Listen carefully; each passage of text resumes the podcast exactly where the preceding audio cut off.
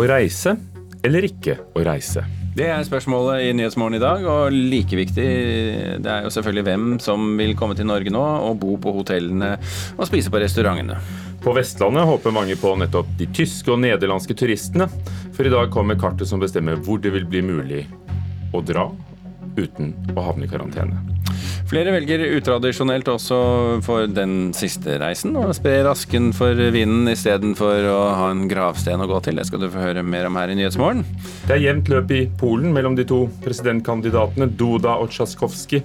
Men hvem det blir, vil få mye å si. Ikke bare for Polen, men for resten av Europa. Så er det jo fredag, så da er det jo også fredagspanel. Vårt eh, lett satiriske, men eh, også alvorstunge panel kommer ca. kvart over åtte. For den som da blir værende med oss eh, så langt. Nyhetsmorgen i dag får du med Ugo Fermariello og Birger Kolsrud Aasund. Klokken tolv i dag skjer det. Folkehelseinstituttet legger frem kartet som viser hvilke land Norge åpner seg mot. For noen av dem vi har møtt på gaten, hvor vi begynner denne reportasjen, ville det ikke vært så farlig om det fortsatt var like strengt som i dag. Det spiller ingen rolle for meg, jeg skal bare til Sandefjord. jeg. Har ikke tenkt meg noe annet sted. Ikke ut av landet og ikke fly og ingenting. Jeg er for gammel, jeg, skjønner du. Har ikke tenkt å reise. Jeg ser ikke noe grunn til å forlate. Jeg skal bare feriere i Norge. En dag skal verden åpne opp igjen, og i dag er en av dagene hun kanskje blir litt mer tilgjengelig for oss i Norge. Men folk er fremdeles uroa for økt smitte om en vel å åpne for reise til flere land. Jeg håper at de forholder det like strengt som det har vært. Ferien kan vente i tre måneder til hvis det betyr at folk holdes i live litt lenger. Jeg er ikke noe utprega tilhenger av det, men jeg forstår jo at man ønsker å åpne opp for de landene som har eh, lav smittespredning, og at man ønsker at Europa skal åpne opp igjen. Vi er jo avhengig av uh, hverandre. Jeg håper jo egentlig ikke på at det åpner helt opp, for da jeg er litt redd for at folk skal komme og bringe med seg korona hit, f.eks. hvis det åpner for mye opp. da. Og vi gamle vi får jo ikke lov til å gjøre noen ting, vi. Vi må bare holde oss for oss selv stort sett hele tiden. Så i solidaritet med de eldre, så, så vil du råde deg om å holde det så lukka som mulig? Ja, i grunnen. Jeg syns jo det. Det er jo det er liksom oss de skal ta vare på, da. Sies det. Men enkelte vi snakker med, håper de vil åpne litt opp så det er mulig å treffe venner og familier som bor utenfor våre grenser, og stoler på at styresmaktene gjør trygge valg. Jeg håper at eh, de skal si at vi kan eh, endelig reise rundt i verden, da, men jeg hadde planer om å reise til eh, både Dubai og Canada med familien. da. Jeg har familie der. Jeg håper jo at de åpner Europa, i hvert fall. Så vi får muligheten til å dra ned til Berlin. Jeg har lyst til å treffe noen venner. Og enkelte må reise om karantenereglene blir oppheva eller ikke. Jeg må til Tyskland. Jeg skal forske. Jeg skal inn i et arkiv. Jeg skal til England, men det er jo veldig mye smitte der, så jeg vet ikke om de kommer til å fjerne det for England. De burde ikke fjerne karantenen for England, men de burde for Tyskland. Vår reporter Vilde Gjerde Lid hadde møtt eh, disse folkene i går. Assisterende helsedirektør Espen Rostrup Nakstad, god morgen. God morgen. Disse rådene som kommer i dag, hva innebærer de i praksis for oss? Nei, Det vil tiden vise litt, for dette kartet eh, som blir lagt fram klokken tolv, vil jo vise da eh, antagelig noen grønne og røde land, som vi sier. Og de grønne landene det er jo land som har lite smitte. Ikke så langt fra det vi har i Norge, og hvor man da kan reise både som turist derfra til Norge, og også som eh, norsk turist fram og tilbake uten å havne i karantene. Mm. Og så vil det antagelig bli noen røde land hvor det er ikke så lett å reise til, og hvor det blir karantene hvis man har vært i de landene. Hva tror du er de røde landene, da? Nei, det får vi se klokken tolv. Eh, du vet det, men du vil ikke si det? det, det ja, jeg har i hvert fall en anelse om det. Eh, og så får vi se klokken tolv hvordan dette blir, fordi dette er eh, relativt komplisert. Og så er det basert på helt oppdaterte tall. Eh, og ting har jo endret seg faktisk i Europa ganske mye, når vi ser nå bare fire-fem uker tilbake i tid. Sånn at eh, det blir helt oppdatert. Og så kommer det også til å bli oppdatert hver 14. dag framover, dette kartet. Så man må nok følge med på det hvis man planlegger å reise. Mm.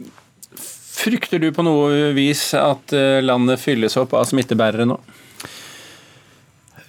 Jeg tror at uh, hvis man reiser fra land med lite smitte til land med lite smitte, så er risikoen i utgangspunktet også lav. Uh, så er det en liten usikkerhet med at folk er ganske mye rundt på farten når de er på ferie. Og da er man i mer kontakt med folk enn man er i hverdagen.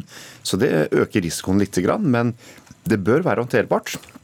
Og Vi planlegger jo nå store informasjonskampanjer, også tilbud om testing til turister f.eks.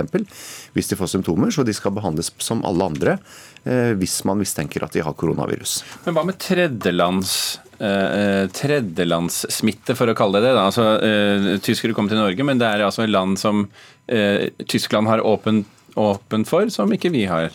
Det er jo en situasjon vi kan se for oss. Ja, hvis, det, hvis, Tyskland nå viser seg grønt på kartet i dag, og det får vi se klokken tolv, så, så, så, vil det være sånn at det kan være mulig å reise til Tyskland og så videre til Norge i teorien. Men det er ikke så lett å komme seg til Europa nå, og de fleste land i Europa har også veldig strenge eh, innreiseregler mot eh, andre kontinenter. sånn at eh, og det å fly til USA nå f.eks., komme seg dit, det er ikke helt enkelt. Så så akkurat nå tror jeg ikke det er det store problemet, men hvis vi tenker da noen måneder fram i tid, hvor mer av verden også skal åpne opp, ikke bare Europa muligens, så vil dette helt sikkert bli en debatt i Europa også, hvordan man skal gjøre det. Eh, føler dere på helsesiden av dette spørsmålet eh, press fra ferielystne nordmenn? I hele denne koronapandemien så har det vært eh, mange synspunkter, og veldig mange har gode argumenter for sine syn og sitt ståsted. Eh, men det er en heltropp oppi dette her som vi prøver å hele tiden bevare. Eh, og og det er klart Dette er også et skritt i oppmykningen av samfunnet igjen mot en normalsituasjon, som medfører litt økt risiko for smitte. Og, så det blir en helhetsvurdering hele tiden. Mm. Uh, og så er det slik at vi har, vi har, jo sett, og det har vært eh, skrevet og fortalt mye om, at det er ikke de, Det gjøres ikke helt de samme vurderingene i helsefaglig sett i, hel, i Helsedirektoratet og, og, Folkehelseinstituttet som det gjøres i, i politikken. Det er politikerne her i landet som tar denne avgjørelsen. Vil det være stor uenighet eh, bak det vi ser legges frem også i dag? Det tror jeg ikke. Jeg tror eh, både det som legges fram i dag og det som eh, har vært også av større endringer den siste tiden, er det vært veldig stor enighet om. Mm. Og den lille faglige uenigheten som noen ganger er, både internt i land og mellom ulike land også, er veldig sunn. For det gjør at man ikke låser seg i et tankesett. Og I Norge så er det selvsagt sånn at regjeringen bestemmer i disse store sakene. Og så legger da fagmyndighetene som oss fram råd. Eh, og så må man balansere dette også mot andre hensyn enn bare smittevern og helse. Eh, for det er andre ting som betyr noe også i et samfunn, og som må vektes inn. Ok, Espen eh, Rostrup Nakstad, takk for at du var med oss her i Nyhetsmorgen.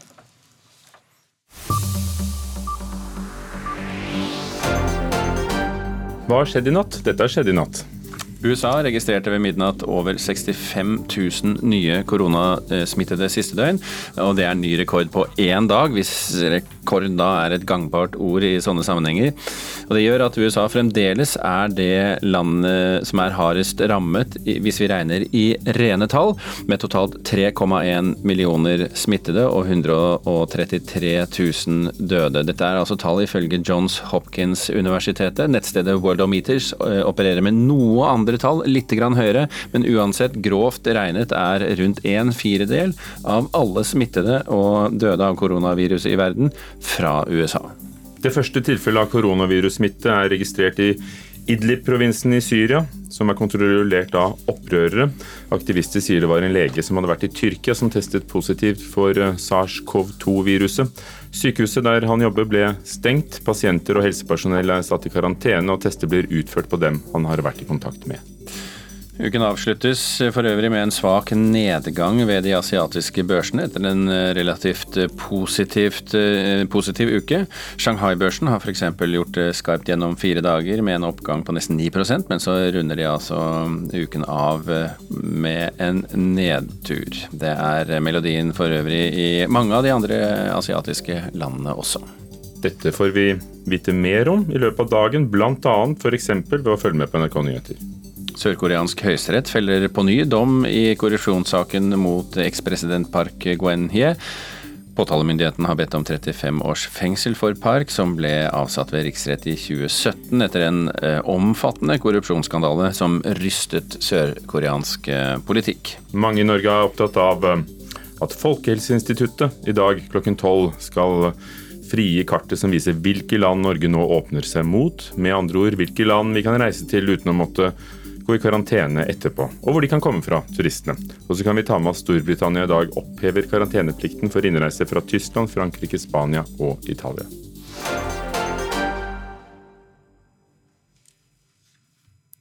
Se det, du. Hvert år får hjelpeorganisasjoner 60 millioner kroner i det som Norad kaller infostøtte. Penger som brukes til å drive informasjonsarbeid om bistand og hjelpeprosjekter, men i Norge. Denne ordningen er da ment å fremme kunnskap og kritisk debatt om utviklingspolitikk. Høyres stortingsrepresentant Stefan Heggelund vil fjerne denne støtten, og heller bruke pengene på konkrete tiltak, f.eks. klimaarbeid. Klimaendringene kan eh, få så fatale konsekvenser både for menneskene som bor i disse landene, der hvor de vil merke klimaendringene mest, men også for det internasjonale konfliktnivået, også for internasjonale flyktningstrømmer. Så Derfor så må vi prioritere det enda mer enn vi gjør i dag. Og Da slår vi også to fluer i en smekk, for da er vi også med på å skape bærekraftige arbeidsplasser i disse landene. Men skal man ha mer av noe, må man gjerne ha mindre av noe annet. En av postene Heggelund vil stryke, er den såkalte informasjonsstøtten, som bistandsorganisasjonene får for å skape debatt og engasjement rundt miljø- og utviklingsspørsmål. En post på knapt 60 millioner kroner. Det mener jeg ikke har noe med bistand å gjøre.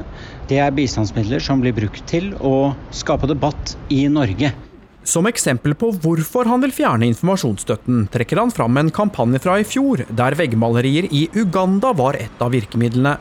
Maleriene viste statsminister Erna Solberg og daværende finansminister Siv Jensen som skålte og drakk, og poenget var å få oljefondet ut av alkoholrelaterte aksjer.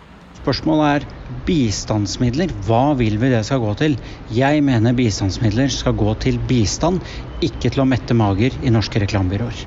En av organisasjonene som står bak oljefondet ut av alkoholkampanjen, er bistandsorganisasjonen Forut. Som bistandsorganisasjon så har jo vi Forut og alle andre organisasjoner i sivilsamfunnet både en rett og en plikt til å si fra når vi mener at norsk utviklingspolitikk ikke er samstemt og hindrer at vi når FNs bærekraftsmål sier generalsekretær i Forut, Ida Oleana Hagen. Hun sier alkohol gjør stor skade i mange utviklingsland, og at det derfor er spesielt at oljefondet skal tjene penger på noe som står i veien for andre mål vi har i bistandspolitikken. Norad sin informasjonsstøtte er jo nettopp en anerkjennelse av den rollen vi som sivilsamfunn spiller. At vi skal være frie aktører, at vi skal være vaktbikkje og si fra når vi mener at norsk utviklingspolitikk ikke er samstemt. Heller ikke hos ungdomspartiet får høyrepolitikeren Heggelund særlig drahjelp til å fjerne informasjonsstøtten.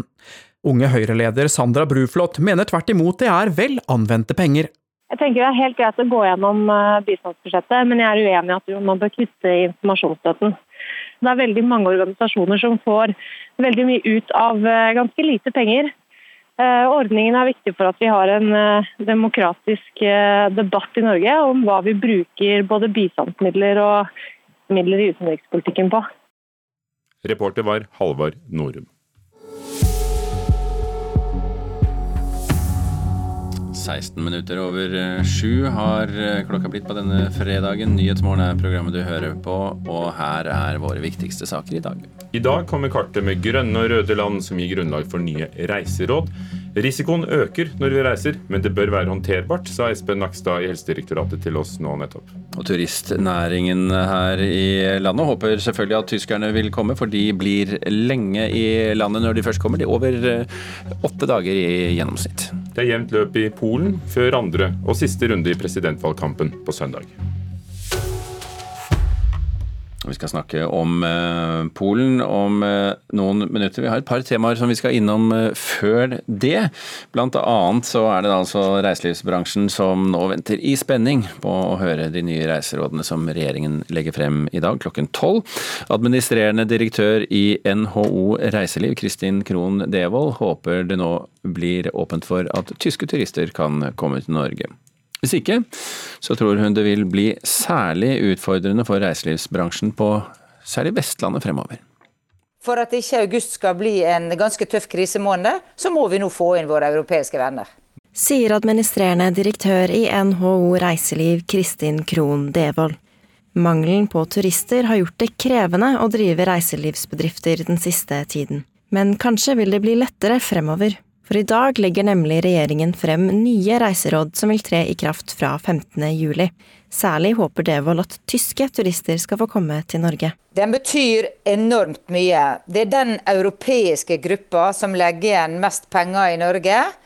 Eh, dem som eh, det er størst antall turister av i, i Sommer-Norge. Og som også har en tradisjon for å være lenge. En fersk spørreundersøkelse gjennomført av Innovasjon Norge viser at over to millioner tyskere enten planlegger eller vurderer å reise til Norge i sommer. Det gjør Norge som destinasjon nesten like attraktiv som Frankrike og Spania for tyskerne. Det er særlig Vestlandet mange reiser til. Tidligere i sommer snakket NRK med Magne Nilsen som driver Midvik feriesenter på Karmøy. Vanligvis er feriesenteret fullt av tyskere som vil fiske, men i år ble det litt annerledes. På denne tida her så skulle vi hatt ganske nærme fullt, og, og ville hatt det. Men det, det har dessverre bare blitt avbestilling, avbestilling, avbestilling.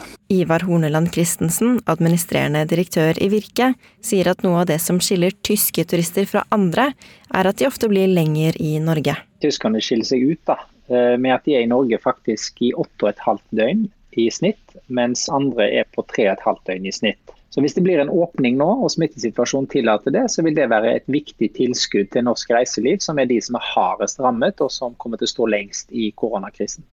Reiserådene som presenteres i dag gir både informasjon om hvem som får komme til Norge, men også hvor nordmenn kan reise karantenefritt. Devold har en klar forventning om at regjeringen i dag åpner for tyskerne. Og Det som er typisk for tallene for Tyskland, både når det gjelder antall smittede i forhold til befolkning og antall døde i forhold til befolkning, det er at de har like lave tall som Danmark. Og vi vet jo at Danmark fikk jo adgang til å åpne opp mot Norge. Danske turister kan, kunne komme til Norge allerede for en måned siden. Så på mange måter kunne Tyskland vært åpna opp for allerede for noen uker siden. Så, så der har vi en veldig klar forventning. Reporter her, det var Simen Hunding Strømme og Anna Lea Poppe. Sindre Mjelva, hotelleier eh, i Hotell Union i Geiranger, god morgen. God morgen, du. Hva er dine forventninger til det som kommer i dag? Nei, vi er jo klar forventning om at, uh, om at vi får inn tyskerne, sånn som det blir sagt her. og det, det, vil være viktig for oss alle. Hvorfor tyskerne, som du ser det?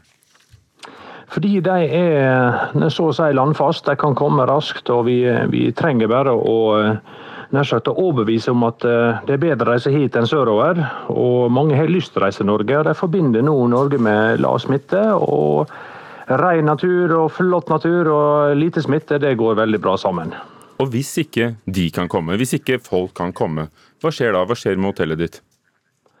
Nei, Hvis vi ikke nå får eh, ja Nå har vi hatt en veldig flott sesong med utrolig eh, masse flotte norske gjester. og Dette her kan være ei god en god forlenging av sesongen. og Får ikke vi den forlengingen av sesongen, så eh, blir det veldig veldig vanskelig utover.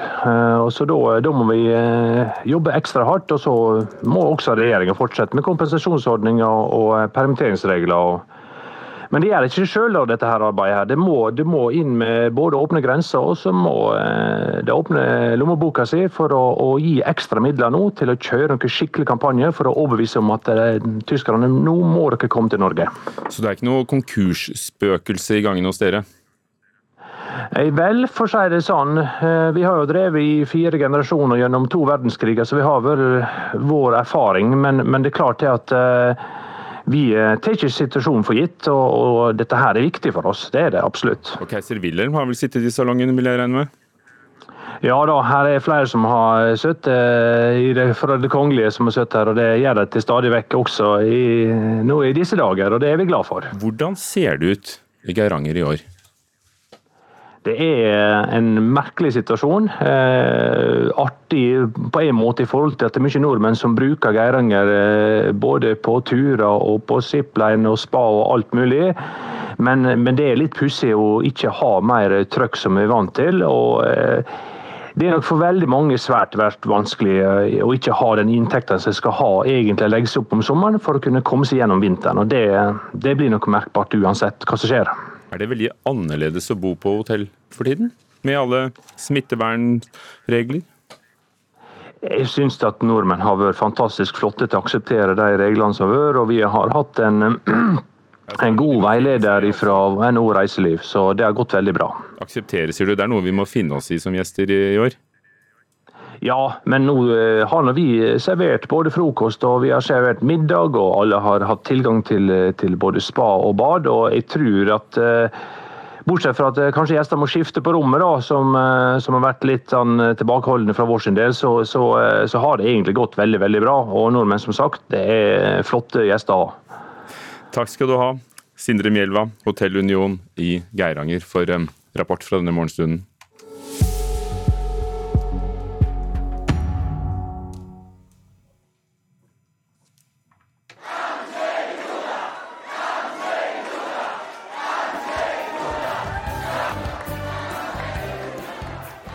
Andrzej Duda det er Polens nåværende president. Eh, han er også kandidat på nytt eh, ved valget på søndag, der det ifølge meningsmålene nå går mot nærmest dødt mellom ham og borgermesteren i Warszawa, Rafal Tsjaskovskij.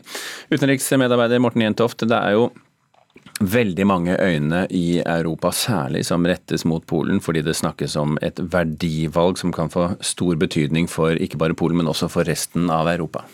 Ja, eh, det er Polen er et stort land, EUs sjette største økonomi. Og det er ikke uinteressant hvem som leder dette landet videre fremover. Det har vært mye snakk om dette lov- og rettferdighetspartiet som Andrzej Duda kommer fra.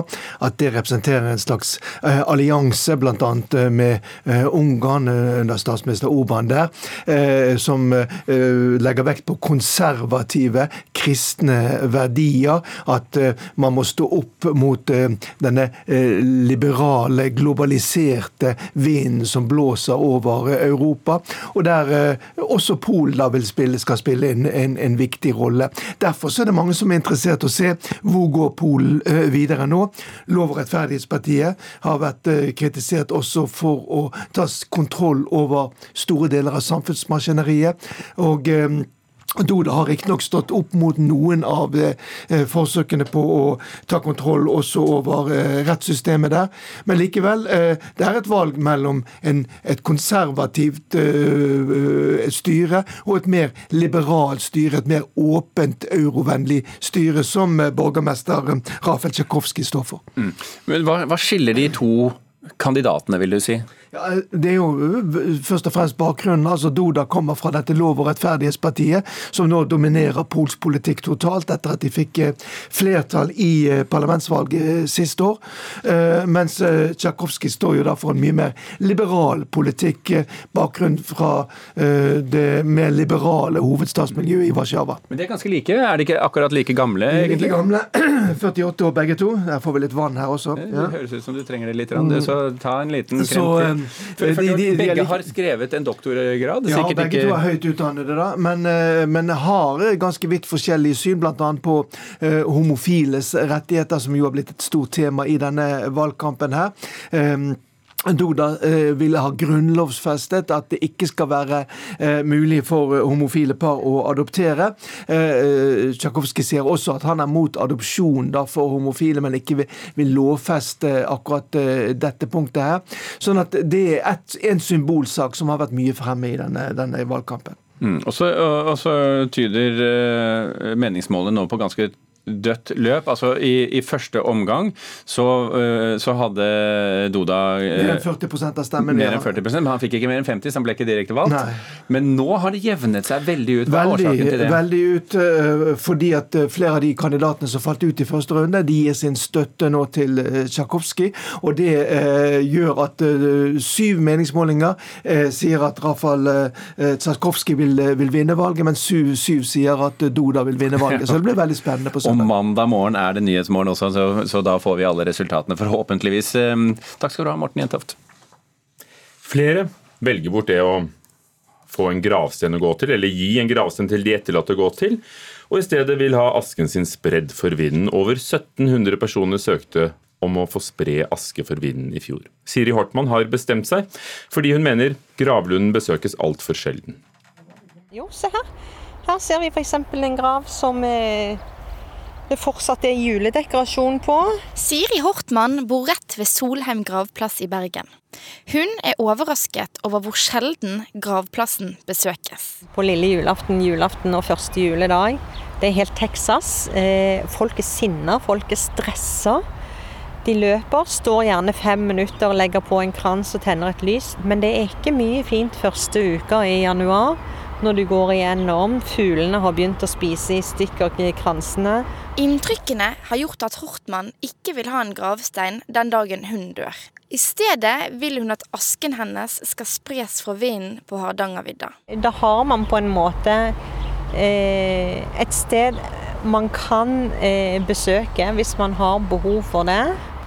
1739 personer søkte om tillatelse til å spre asken sin i fjor. Det er nesten en tredobling siden 2010, da 619 personer søkte om det samme. Altså Noen trekker fram arealargumentet, andre trekker fram dette med hygiene og, og aversjon mot uh, forråtnelsesprosessen. Det sier Tove Ingebjørg Fjell, som er professor i kulturvitenskap ved Universitetet i Bergen. Men de fleste trekker fram dette med å ende opp på et sted der man har tilbrakt mye tid. Og hittil i år har 817 personer søkt om å få spre asken. Reporter var Synne Lykkebø Hafsås. Klokken nærmer seg halv åtte. Det betyr uh, nyheter fra, fra eh, Dagsnytt. Fra Dagsnytt. Takk skal du ha, Hugo. Og så må vi minne om kvart over åtte omtrent Fredagspanelet. Vi skal blant snakke, blant snakke om giftig debatt, klima. Hva har denne låta fra Sondre Justad?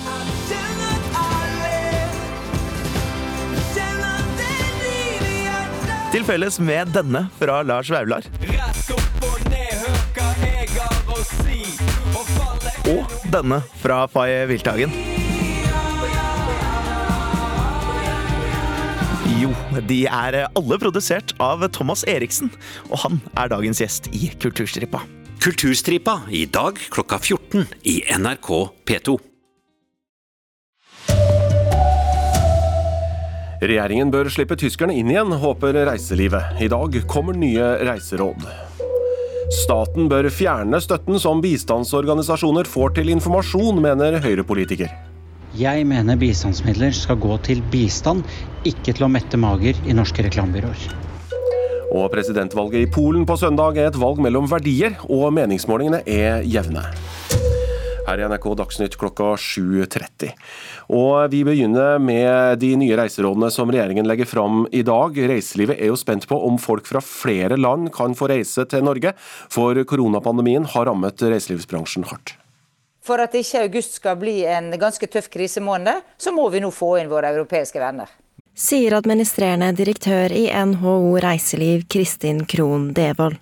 Mangelen på turister har gjort det krevende å drive reiselivsbedrifter den siste tiden. Men kanskje vil det bli lettere fremover. For i dag legger nemlig regjeringen frem nye reiseråd som vil tre i kraft fra 15. juli. Særlig håper Devold at tyske turister skal få komme til Norge. Den betyr enormt mye. Det er den europeiske gruppa som legger igjen mest penger i Norge. Dem som det er størst antall turister av i, i Sommer-Norge. En fersk spørreundersøkelse gjennomført av Innovasjon Norge viser at over to millioner tyskere enten planlegger eller vurderer å reise til Norge i sommer. Det gjør Norge som destinasjon nesten like attraktiv som Frankrike og Spania for tyskerne. Det er særlig Vestlandet mange reiser til. Ivar Horneland Christensen, administrerende direktør i Virke, sier at noe av det som skiller tyske turister fra andre, er at de ofte blir lenger i Norge. De er i Norge faktisk i 8,5 døgn i snitt, mens andre er på 3,5 døgn i snitt. Så Hvis det blir en åpning nå, og smittesituasjonen tillater det, så vil det være et viktig tilskudd til norsk reiseliv. Reiserådene som presenteres i dag, gir både informasjon om hvem som får komme til Norge, men også hvor nordmenn kan reise karantenefritt. Devold har en klar forventning om at regjeringen i dag åpner for tyskerne. Der har vi en veldig klar forventning. Reportere her Simen Hunding Strømme og Anna Lea Poppe. Og Espen Rostrup Nakstad, assisterende helsedirektør, er med meg her i studio. Her hører vi hvor viktig tyskere er for norsk reiseliv. Hva vet vi om smittesituasjonen i Tyskland nå? Det kan sies generelt om smittesituasjonen i, i hvert fall landene rundt Norden, er at den har gått riktig vei de siste ukene. Det er stadig mindre smitte, men så er det noen da, utbrudd noen steder i, i noen land eh, som også fanges opp. Hva betyr reiselivsbransjens bekymringer for de rådene dere gir til regjeringa? Vi fokuserer primært på det helsemessige og, og smittevernmessige eh, sammen med Folkehelseinstituttet. Og så må regjeringen også vekte inn en god del andre hensyn når de tar sin beslutning. Eh, så det er sånn i hovedtrekk hvordan det fungerer. Sverige er det nest nærmeste ferielandet for mange av oss. Hva må ligge til grunn for å åpne deler av Sverige? Ja, det er egentlig den samme vurderingen som gjøres for alle land i Europa nå. og Det går på hvor mye smitte det er per 100 000 over en gitt tidsperiode. Eh, og det andre går på om hvor mange som faktisk tester positivt eh, i eh, de ulike landene. Og Det er fordi at hvis det tallet er lavt, under 5% så viser det både at det er lite smitte, men det viser også at man tester veldig mange. Sånn at vi faktisk kan stole på de smittetallene som blir rapportert. Og Er det de samme kriteriene som gjelder for det å åpne for reisere til, som å åpne for reisende fra? Ja, det blir samme vurderingen. Så hvis et land nå klokken tolv blir presentert som grønt, så betyr det at nordmenn kan reise reise dit uten å havne i karantene. Men turister fra det landet kan også reise til Norge uten å havne i karantene. Espen Rostrup Nakstad, tusen takk skal du ha for at du var med. Eh, ikke alle vi har møtt på gata synes det er så viktig at regjeringen raskt åpner opp for reiser til flere land. Spiller ingen rolle for meg, jeg skal bare til Sandefjord. Ikke ut av landet og ikke fly og ingenting. Jeg er for gammel, jeg, skjønner du. Har ikke tenkt å reise. Jeg ser ikke noe grunn til å forlate. Jeg skal bare feriere i Norge. En dag skal verden åpne opp igjen, og i dag er en av dagene hun kanskje blir litt mer tilgjengelig for oss i Norge. Men folk er fremdeles uroa for økt smitte om en vel åpne for reise til flere land. Ferien kan vente i tre måneder til hvis det betyr at folk holdes i live litt lenger. Jeg håper jo egentlig ikke på at det åpner helt opp. Jeg er litt redd for at folk skal komme og bringe med seg korona hit. Og vi gamle vi får jo ikke lov til å gjøre noen ting, vi. Vi må bare holde oss for oss selv stort sett hele tiden. Men enkelte vi snakker med håper de vil åpne litt opp så det er mulig å treffe venner og familier som bor utenfor våre grenser, og stoler på at styresmaktene gjør trygge valg. Jeg hadde planer om å reise til eh, Dubai og Canada med familien da. Jeg håper jo at de åpner Europa, i hvert fall. Så vi får muligheten til å dra ned til Berlin. Jeg har lyst til å treffe noen venner. Og enkelte må reise, om karantenereglene blir oppheva eller ikke. Jeg må til Tyskland, jeg. Skal forske. Jeg skal til England, men det er jo veldig mye smitte der, så De burde ikke fjerne karantene for England, men de burde for Tyskland. Kollega Vilde Gjerde Lid hadde møtt mennesker på gata i Oslo. Klokka tolv kommer altså de nye reiserådene, og de kan du se eller høre, eller følge direkte fra NRK i radio på TV og på nrk.no. Høyres Stefan Heggelund vil fjerne støtten som norske bistandsorganisasjoner får til å drive informasjonsarbeid. Ordningen er ment å fremme kunnskap og kritisk debatt om utviklingspolitikk i Norge. Heggelund vil at millionene til dette heller brukes til faktisk bistand, og vil prioritere klima. Jeg mener jo klima må inn i alle de landene som Norge er involvert i. Det betyr f.eks. bygger vi en skole istedenfor å sette opp et dieselaggregat, så skal vi prøve å gi den skolen fornybar energi. Og sånt vil han ha mer av på bistandsbudsjettet, som i dag er på nesten 40 milliarder kroner. Men skal noe prioriteres opp, må annet prioriteres ned, og en av postene Heggelund vil stryke, er den såkalte informasjonsstøtten, rundt 60 millioner kroner i år. Det er bistandsmidler som blir brukt til å skape debatt i Norge. Jeg vil at bistandsmidlene skal gå til å hjelpe folk med å få mat, energi, utdanning osv. Som eksempel på hvorfor han vil fjerne informasjonsstøtten, trekker han fram en kampanje fra i fjor, der veggmalerier i Uganda var et av virkemidlene. Maleriene viser statsminister Erna Solberg og daværende finansminister Siv Jensen som skålte og drakk, og poenget var å få oljefondet ut av alkoholrelaterte aksjer. Jeg mener bistandsmidler skal gå til bistand, ikke til å mette mager i norske reklamebyråer. En av organisasjonene som står bak oljefondet ut av alkoholkampanjen, er Forut. Generalsekretær Ida Oleana Hagen sier alkohol gjør stor skade i mange utviklingsland, og at det derfor er noe spesielt at oljefondet skal tjene penger på noe som står i veien for målene med norsk bistandspolitikk. Og Norad sin informasjonsstøtte er jo nettopp en anerkjennelse av den rollen vi som sivilsamfunn spiller. At vi skal være frie aktører, at vi skal være vaktbikkje og si fra når vi mener at norsk utviklingspolitikk ikke er samstemt. Halvard Norum var reporter i dette innslaget. Det går mot et meget jevnt eh, presidentvalg i Polen på søndag.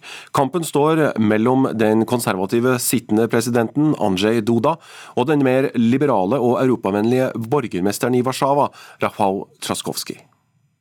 Szanowni Państwo, te pięć lat to był czas który w moim przekonaniu został przez nas dobrze Mine damer og herrer, de siste fem årene har vært gode for Polen. Sittende president Andrzej Duda sa han og Lov- og rettferdighetspartiet har gjort mye bra for Polen de fem årene de har sittet ved makten, da han talte til sine tilhengere i byen Starochowice denne uken. Wiarygodny człowiek. Han er en mann å stole på, sier Rytsjat Sadowski, som har kommet for å høre på mannen som han tror kan bli valgt til fem nye år i presidentstolen på søndag. Jeg er pensjonist, og min familie nyter godt av de godene som vi nå har fått, sier Sadowski. Han er dermed representativ for Dodas og Lov- og rettferdighetspartiets kjernevelgere. De har fått betydelige støtteordninger, bl.a. 500 slåti for hvert barn i tillegg de siste fem årene. Oni myślą, że wszyscy jesteśmy dokładnie tacy sami jak. Rafal Tsjaskowski, som var Dudas motkandidat ved valget på søndag, mener likevel at Polen er på feil vei, gjennom å isolere seg fra resten av Europa, og der stadig mer makt er konsentrert rundt Lov- og rettferdighetspartiet. Og det var også mange som var kommet for å høre på Warszawas borgermester da han møtte sine tilhengere i Gnesno tirsdag denne uken. Valget i Polen blir av mange sett på som et verdivalg som sender signaler langt utover Polens grenser. Og meningsmålingene viser tilnærmet dødt løp mellom de to kandidatene. Trolig ble valget avgjort av hvem som best klarer å mobilisere sine tilhengere til å stemme på søndag. Sa reporter Morten Jentoft. I California i USA går delstaten til søksmål mot regjeringen til Donald Trump for å hindre at tusenvis av utenlandske studenter kastes ut av USA. Regjeringen vil nemlig trekke tilbake visum og opphold for utenlandske studenter som bare skal ha digital undervisning ved amerikanske universiteter. En talsmann for delstaten sier Trump-regjeringen både setter studentenes helse og deres utdanningsmuligheter i fare, for dette tolkes som et press for å åpne opp for fysisk undervisning. NRK Dagsnytt var ved Hans Christian Eide, og mitt navn er Jon Branes. Jensen er formelt pågrepet på bakgrunn av en beslutning fra meg. I am mobilizing all available federal resources, civilian and military. I praksis åpner vi nå for at nordmenn kan reise til stort sett hele Norden uten å pålegges karantene. Dagens tre viktigste nyheter på syv minutter. Fra klokka 15 mandag til fredag i appen NRK Radio.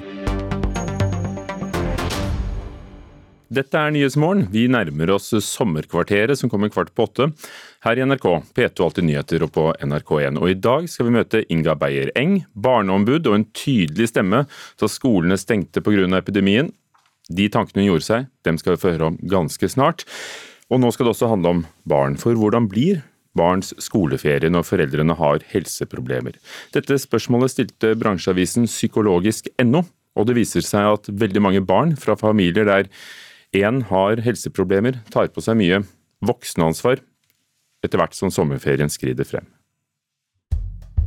Hei, mitt navn er Siri Gjesdal. Jeg er da leder for et nasjonalt kompetansenettverk for barn som pårørende, som heter Barns beste.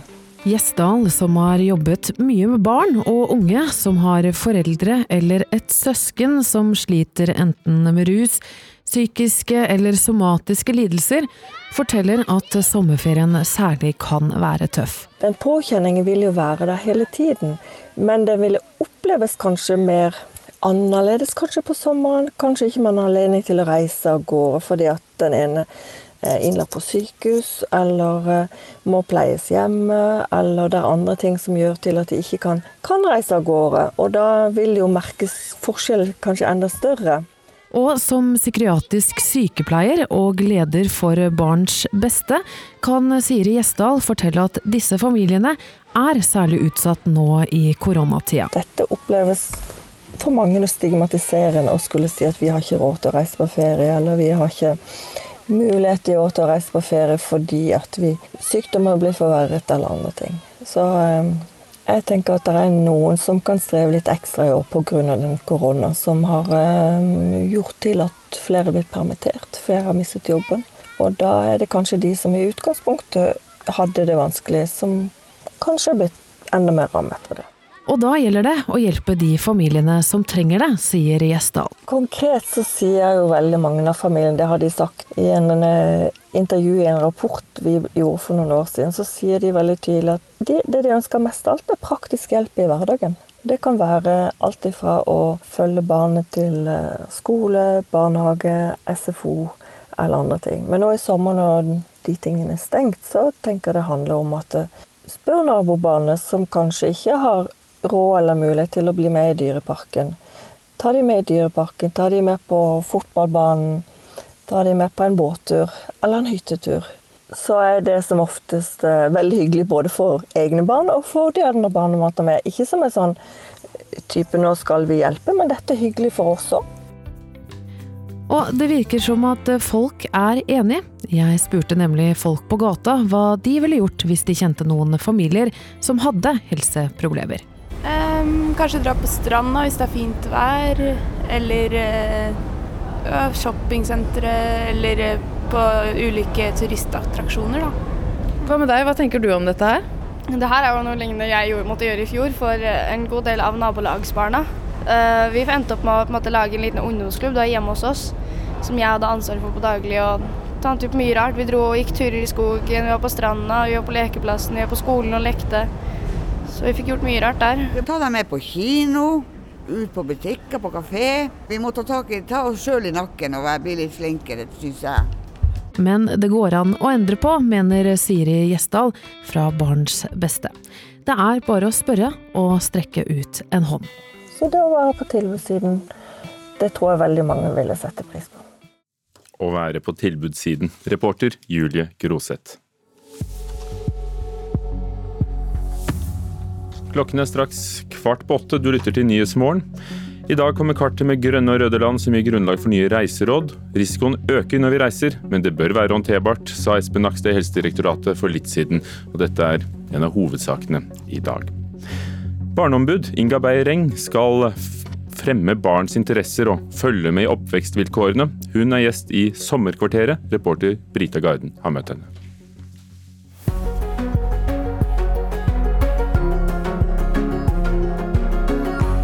Mitt navn er Inga Beireng, og jeg er barneombud i Norge.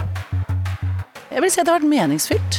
Ja, jeg syns vi har, til tross for at vår arbeidsplass som andres har vært litt omrigget, så er jeg så glad og fornøyd for at vi har klart å, å følge med på hvordan eh, myndighetene har håndtert eh, situasjonen eh, opp mot barn.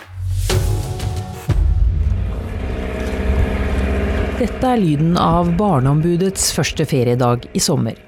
Vi møtes en båttur unna hytta ved Oslofjorden, hvor hun er med familien, og skal lande og kanskje reflektere litt over den spesielle perioden som startet i mars, da alvoret trengte seg på. Jeg tror nok egentlig at det gikk mer opp for meg alvoret når vi fikk, liksom, etter en liten stund igjen fikk beskjed om at dette skulle fortsette, og det ikke hadde noe sluttdato. Da kjente jeg litt mer på en sånn oi, uff, dette her kan bli krevende. Eh, og da tenker jeg ikke nødvendigvis for meg, altså, men for for samfunnet. Usikkerheten der, den tror jeg er fryktelig krevende. I hvert fall for de som, har, som, strever med livene sine. Du var en tydelig stemme underveis eh, og ba om eh, forklaring på hvorfor eh, skolenedstengingen skulle vare så lenge som det var osv. Fortell litt om bakgrunnen for argumentasjonen eller tankegangen da når vi var ute, var vel første gang når vi fikk høre at regjeringens ekspertutvalg, som da hadde anbefalt åpning av hele barnetrinnet, når da regjeringen valgte å ikke følge deres råd fullt ut, men bare åpne deler av barnetrinnet og barnehagene, da var vi første gang ute og etterspurte en bedre begrunnelse. Her er det snakk om øh, retten til beskyttelse mot en pandemi på den ene siden, og retten til opplæring og retten til beskyttelse som barn har på den andre siden. Det er rettigheter av samme samme grunnlovsrang. Når man da gjør inngrep i noen rettigheter, så må man veie disse to rettighetene mot hverandre. Og så er det viktig at myndighetene er seg bevisst at skal det gjøres et inngrep i rettigheter, enten det er retten til opplæring eller retten til beskyttelse, så må det være forholdsmessig, og det må aldri gå lenger enn det som til enhver tid er nødvendig. Det, det, er en rettsregel som jeg har nok savnet at regjeringen kommuniserer på i det offentlige rom. Eh, rettigheter etter Grunnloven eller menneskerettighetene de er egentlig lagd for krise. De, de er lagd for å, å beskytte borgerne i turbulente tider hvor andre eh, strømninger kanskje for stor kraft. Altså det kan være frykt, sånn som i dette tilfellet her. Eh, hvor, hvor det er veldig viktig at de som treffer beslutninger, er seg bevisst. Da. Men føler du at det var fryktbasert, nedstengingen? Nei, jeg tror nok at regjeringen i sin tid tok en, en grundig avveining. Men jeg, det jeg savner, er på en måte at man viser at man har veid disse hensynene opp mot hverandre. For det vi også vet, er jo at skoler og barnehager er hovedleverandør, hvis jeg skal si det sånn, av bekymringsmeldinger til barnevernet. Og hva gjør det med barns rett til beskyttelse eh, når man stenger ned det? Det har vi aldri gjort før. Da må man identifisere noen risikoer, eh, sånn at man kan sette inn gode kompenserende tiltak. Hva konkret er det du savner? At de kommuniserer på at de har veid disse hensynene mot hverandre, og at de har identifisert hvilken risiko vi løper. Det jeg også savner, er at det har vært en en plan for hvordan man skal følge med på hvordan det virker når man har stengt noe ned. I en melding fra kunnskapsminister Guri Melby skriver hun at regjeringen måtte ta raske avgjørelser i begynnelsen basert på kunnskapen de hadde om viruset. Hun skriver at hun deler bekymringen for de sårbare barna, og samarbeider tett med barne- og familieministeren for at konsekvensene av stengte skoler og barnehager skal bli så få som mulig for dem. Du er tidligere politiadvokat, statsadvokat, og du var aktor i 22. juli-rettssaken og har vært dommer i Oslo tingrett i fire år. Hva mm. var det i sin tid som eh, fikk deg til å bytte jobb og ville bli barneombud? Oh, ja. Det var vel noen av de siste sakene jeg hadde i retten, hvor jeg så barn som hadde vært gjennom et langt liv i offentlig omsorg, og som vi ikke hadde fått god nok hjelp. Og hvor det etter hvert begynte liksom å tegne seg et, et, et, mønster, et system, tenker jeg, av svikt.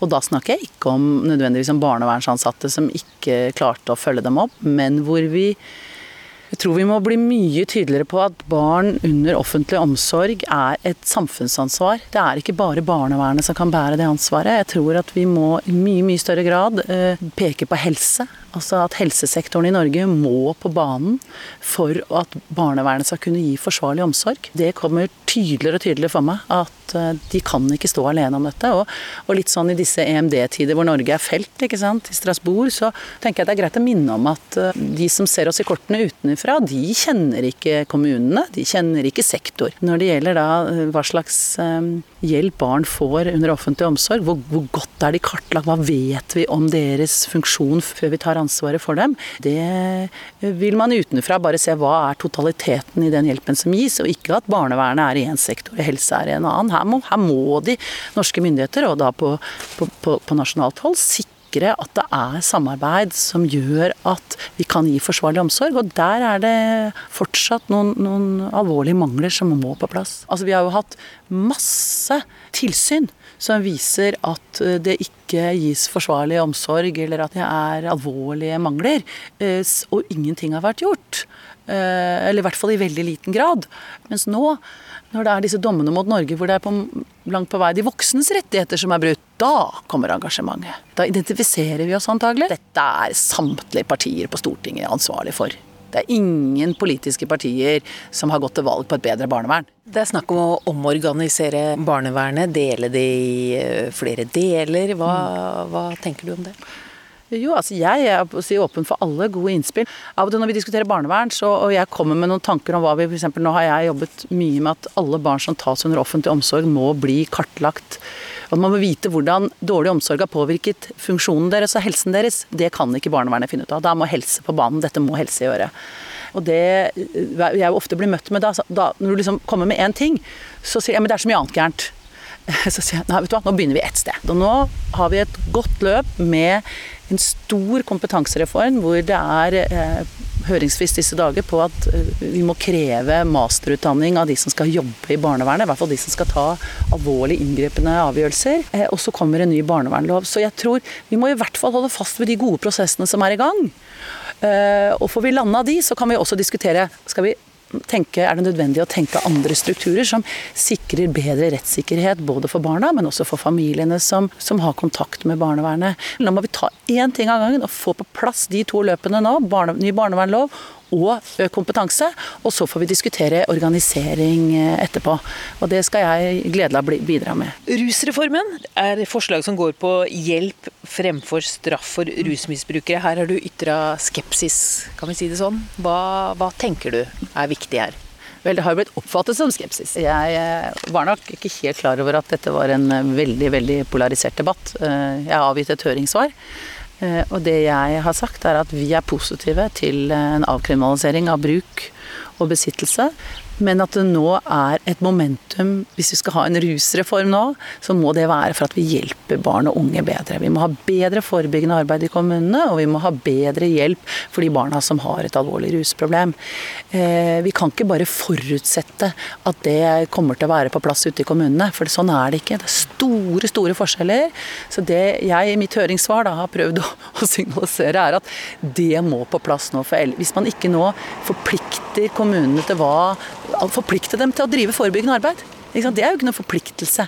Og det må være forpliktende til hva slags eh, tilgjengelig hjelp de har når barn trenger hjelp. Det skulle jeg ønske at hadde blitt adressert i større grad. Og det er helt åpenbart det er ikke ønskelig at barn straffes for bruk av narkotika. De skal ha hjelp, men vi må, kan ikke bare tro at den hjelpen er der. Når tror du kontoret ditt, altså Barneombudet eh, som sådan, kommer til å ha en vanlig verden igjen? Når, når blir ting normalisert helt, tror du? Nei, det vet jo ikke jeg heller. Jeg håper jo at det kommer så raskt som mulig. Men jeg er sånn eh, Jeg tror det er viktig at vi alle er sånn mentalt innstilt på at dette blir en annerledes tid en, god, god stykke fram i tid. Eh, og jeg må jo si at for, uh, sånn, rent sånn arbeidsmessig så har i hvert fall jeg gjort et kjempebyks i, uh, den teknologiske utviklingen. Jeg ikke, ligger ikke foran i skoa på å drive med det tekniske. Så jeg har blitt en racer på Teams. har du hatt hjemmekontor? Ja, det har jeg hatt. Ja. Hva er ditt beste hjemmekontortips? Det er å legge en god plan for dagen. Ikke stå opp og tro at du skal liksom etter hvert finne ut av hvordan den dagen skal bli. Det er jo, i likhet med ganske mange andre foreldre, hatt full arbeidsdag og to barn på full hjemmeskole i forskjellige aldre. Det er krevende. Det tror jeg ikke Jeg tror ikke noen vil si at det ikke er krevende. I hvert fall ikke når barna er ganske små. Og det å finne en god balanse i arbeidsfordelingen mellom de voksne og hvordan man skal følge opp eh, barna sine, det tror jeg ikke skal legge skjul på at det har vært krevende. Men eh, vi har vært bedre rustet til det enn mange. Og klart at når jeg har sittet og sett da hvordan, hvor mye som egentlig kreves av foreldrenes oppfølging eh, på en hjemmeskolesituasjon, i hvert fall for de yngste, så tenker jo jeg med bekymring på de litt yngre barnetrinnene som ikke har hatt foreldre som har vært i stand til å følge dem opp, sånn som jeg har vært om for mine barn. ikke sant? Nå har eh, ferien din starta, du er på hyttetur. Men er det noen ferieturer du har måttet droppe i år? Nei, vi har vært veldig dårlige til å planlegge, så det har vært veldig greit. Har, eh, det var noe på høsten nå som jeg tenker at vi må avlyse, ellers så har ikke det Nei, så sommeren var egentlig Den lå innenfor rammen av det lovlige. Hvordan er det med smittevernrådene, da følger du alle? Ja, så godt jeg kan. Og så har man jo alltid noen i nær familie som minner en på det hvis man eh, slurver med håndvasken. Så det jo, Min eldste sønn han eh, gikk i barnehage under svineinfluensaen. Og den håndvasken de hadde i barnehagen, den sitter i fortsatt. Så det er litt interessant å se. altså Hvis du i tidlig barndom blir liksom, introdusert til noen veldig strenge smittevernråd, og med, med, og med, litt sånn Oi, dette kan skje hvis du ikke gjør det. Det, fall, det preger han fortsatt, da. Så, så, vi har en sånn smittevernpoliti i familien. Nå begynner man å se seg litt tilbake på hvordan man håndterte krisen. Hva eh, tenker du gikk feil, eller hva burde vært gjort annerledes, eller eh, var det noe hensyn man burde i større grad tenkt? Jeg har allerede hatt en, et møte med koronakommisjonen som nå skal se på det, og jeg tror det er viktig at vi nå tar lærdom av det vi har Eh, gjort feil, eller det vi ikke har planlagt godt nok. Fordi at denne krisen kommer igjen. Og det er ikke etterpåklokskap, men det er eh, et behov for å ha konstruktiv læring til neste gang. Hva er den viktigste oppgaven koronakommisjonen står overfor nå? Det er å ta konstruktiv lærdom av det vi har vært gjennom til nå. Nå har vi et hvileskjær. Så da er det utrolig viktig at vi lærer noe av det vi planla for dårlig sist, og antagelig gjorde galt. Det må vi vite noe om nå for å gjøre det bedre når det topper seg neste gang. Eh, og da tror jeg det er viktig at vi hold, på en måte holder litt høyere hvilke eh, rettigheter vi griper inn i når vi gjør tunge tiltak eh, under en pandemi. Det må vi på en måte være nok enda er mer bevisste enn det vi har vært til nå. Mm. Tror du skolene vil stenge ned i neste bølge? Det tror jeg skal veldig mye til. Det tror jeg vi har vel tenkt at nå kan vi mer. Vi kan mer om barn som smitter, hvilken rolle barn har i en pandemi. Så, så det vil jo egentlig eh, overrasker meg. Og jeg har også sa, hørt at regjeringen har sagt at det skal veldig mye til. Så jeg, jeg tror man vil strekke seg langt nå for å, for å, gå til det tiltaket igjen.